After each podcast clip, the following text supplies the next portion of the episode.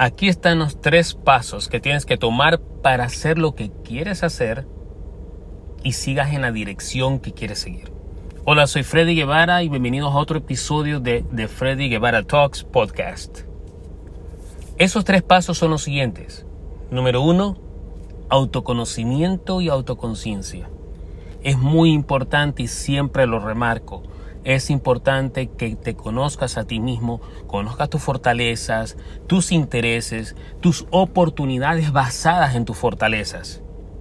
Es la única forma de saber qué es lo que quieres hacer.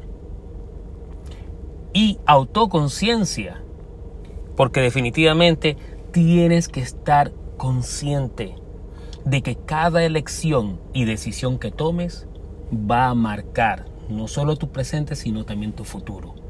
Va a marcar hacia el destino que quieres llegar.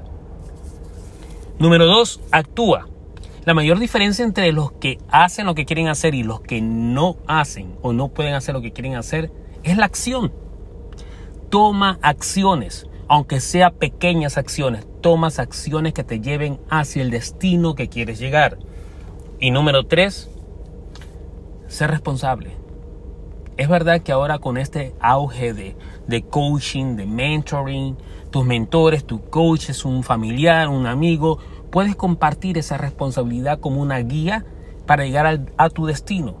Sin embargo, ten presente que el único responsable, al final del día, el único responsable de tu crecimiento personal y profesional eres.